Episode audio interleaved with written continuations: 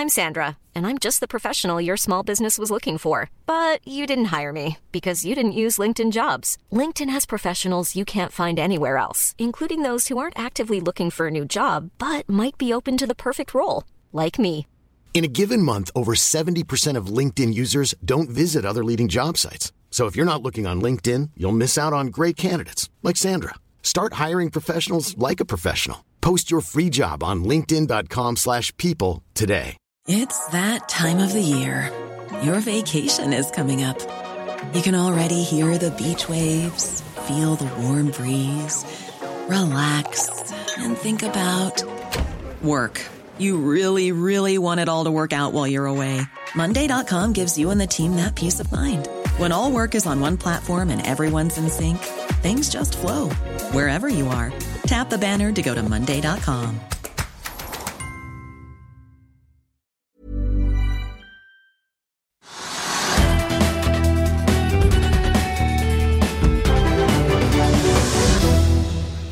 Velkommen til Økonominyhetene. I dag har vi med oss eh, oljeanalytiker Trond Omdal. Men uh, Oslo Børs, Trygve? Ja, er, Børsen er helt flat. Den var jo ned nesten 2% i går. eh, Og da kan man si at eh, det, hvorfor er det flatt? Og det har skjedd ganske mange spennende ting der. Da. Så kunne, man kunne tenkt seg at indeksen av den grunn ville gå ganske kraftig opp eller kraftig ned. Eh, Det er flere ting, men det mest spennende er jo oljeprisen, som vi har en ekspert til å snakke med oss om etterpå. Men i går kveld, de som sitter og ser litt på sånn eh, finans om kvelden, også ikke bare i arbeidstiden hjemme, eh, så det at oljeprisen falt ganske kraftig. Den falt rundt 4% og Brenten var under 60 dollar på fat. Så det var nok mange i går kveld og i løpet av natten og kanskje frem til i dag tidlig som tenkte at nå får oljeprisen det fall og siger nedover, som er negativt for norsk økonomi, negativt for oljeserviceselskaper, negativt for riksselskaper, negativt for det meste i Norge når oljeprisen faller. For vi lever da godt av å selge olje og gass. Eh, og så skjer da det i dag tidlig, sannsynligvis 06 06.05 eller sånn da, i dag tidlig, så skjer det da at eh, et, et, to tankskip da blir angrepet i, utenfor, i Omanbukten, ved Hormuzstredet. Uh, og at ett av skipene kanskje var i ferd med å synke. og Et av skipene var uh, Frontlines uh, og, og Fredriksen Ederskip. Og så var det et annet skip som ikke var, ikke var norsk, norskkontrollert. Og da ble det jo liksom full fart på mye rart. ikke sant? Det ble full fart på Frontline-kursen, som er et tankselskap, fordi da et skip kanskje var senket eller ødelagt, eller torpedert. Altså i vår tid torpedert i internasjonalt farvann. Det er ganske spesielt. Så det er en stor ting. Som, og hvorfor skulle Frontline som en tankaksje gå opp fordi at skipene begynner å bli torpedert? Det, jeg er litt skeptisk til akkurat hvorfor det. Kanskje tankratene plutselig går rett til himmels? Jo, men det kan tenke, ja, det, det kan tenkes at det går til himmels fordi, fordi, fordi, man da ikke får ut den oljen man ville få, få ut, normalt får ut da, fra, fra Persiabukta. Da vil tilbudssiden bli kraftig redusert, selvfølgelig. Men på den annen side, hvis, hvis prisen blir skyhøy, så er det alltid også slik at det er ingen som har tankbåter lenger. For det er ingen som tør kjøpe, iallfall ikke fylle båtene. Mm. Så da blir det mindre behov for, for tankbåter. Kanskje kjempevanskelige ting, men i alle fall foreløpig sier markedet da helt klart fra at uh, i går kveld falt oljeprisen. Alle skjønte hvorfor. Det kom meldinger om høyere lagertall og mye rart, som vi kanskje skal høre mer om etterpå. Alt tydet på at den skulle falle, og det snakket vi også om i går. Uh, men så får vi da på en måte det som skjer da i, altså i Persiabukten, som er helt dramatisk i mine øyne. Og så er ikke jeg helt sikker på hva som da skal skje. Det var den ene siden. Mm. Og den andre siden var Nell. Husk på at Nell, altså Hydrogenaksjen den i dag har vært omsatt ca. 800 millioner kroner. Mens, mens Ja, og så må vi nevne da det at det er faktisk over 900. ja, altså, altså, De oljeaksjene våre, de vi pleier å snakke om, Aker BP og de, ja. de har bare vært opp mellom en halv og 1 mm. Uh, så man er vel kanskje litt avventende av den oljeprisen skal ytterligere gå opp fra 62, 62 dollar på fatet. Men så har vi da Nell, som da på en måte den, den eksplosjonen i Sandvika som har på en måte fått, fått følgevirkninger over hele verden. Alle steder hvor de har da den type tappestasjoner og lignende arbeid, de er stengt ned alle sammen. Og ingen biler med hydrogen selges lenger. Eller de, noen selges, men de, er, de, leveres ikke ut. da. Toyota selger fortsatt biler, men de leveres ikke ut. Så det er en dramatisk sak da for hele hydrogenvirksomheten. Og da, da børsen åpnet så sank da Nell 6% med en gang. og allting, å ja, det skjønner jeg godt, det er en eksplosjon. Hva skal skje med det selskapet hvis ingen vil kjøpe, kjøpe hydrogen? Ingen vil da ha biler med hydrogen?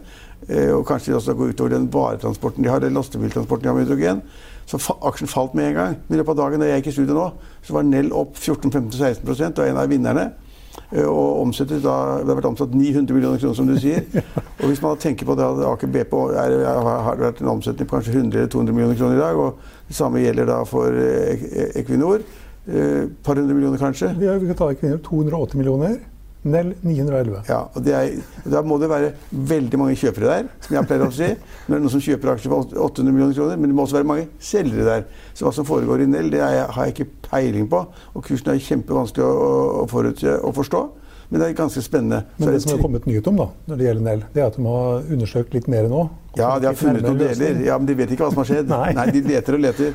Men, så, og det var to ting. Men den tredje tingen som er også er litt spennende, som har litt å gjøre med den investordagen vi hadde uh, i Konserthuset forleden, hvor da en analytiker da fra DNB, Aukner, hadde et skikkelig sånn brutalt angrep på opplevelsen. Han sa at toppen er nådd. Herfra går det bare nedover. sånn.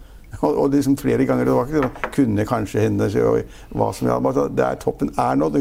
Og det ser vi i dag. at Jeg tror det har innvirkning på markedet. Mm. Vi ser at både Grieg Seafood og Movi og SalMar alle er ned mellom 2 og 5 ja, For eksportprisene var jo opp siste uke. Ja, den ligger på 61 kroner, og det var omtrent som nå i fjor. Mm. Så prisen er ålreit, og det sa jo han også. Prisen er ålreit, men vi, det er over. og jeg tror det at liksom, Når folk da gikk ut fra konserthuset og tenkte liksom, det han sa, så er det noen som da begynte sjansen til å selge seg litt ned, ta profit. Alle har tjent masse penger sannsynligvis.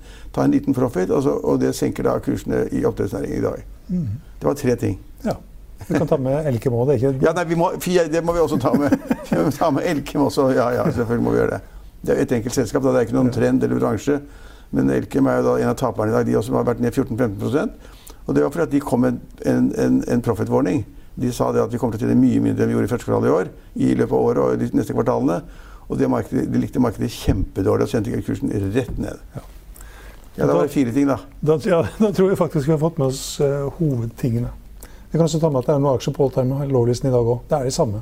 Ja, bare, bare rams de opp. Ja, det er liksom det er Seabird Exploration som har falt 100 mm. Ja, 99,999. 100 kan du ikke falle. Så Element, Seasense, Napatek, Bergen Bio, Bård Drilling. Nok en gang. Nok en gang. Hvor langt, er, langt ned er Bård Drilling nå? Ja, Hvor langt har den falt på toppen? Den har vel ja, Det skal jeg finne ut snart. Ja, men Hva står kursen i? Ja? Um, det burde jo også hatt uh, For Det var jo også en av de aksjene som var, ble tatt opp ganske 14 kroner og 79 øre. Hva? 14 kroner og 79 øre. Ja, det er et dramatisk fall, da. Ja. Og det var da Øystein Strauss Betalen på da, også investordagen sa det at rigg skal i null. alle. alle sammen. Uten noen nyanser. Det har nok også påvirket markedet, tror jeg faktisk. At liksom, da er man litt avventende til rigg. Mange rigger i markedet, mange på tilbudssiden etter hvert, og mange gamle mange nye. Og så sa han det at det der går, går i null. Ja. Kan også ta med at uh, Northern Drilling er også ikke i null, men også på all time low-listen. Og så er det tidligere Bergen Bio som heter Endur, også på all time low. Ja, det var vel hovedtrekkene. Vi kan ta med oss oljeprisen da, før vi ser på vinnere taperlisten, som nå er opp uh, nesten 4 til 62 dollar og 8 cent. Omsetningen på Oslo Børs den har passert 3,3 milliarder kroner.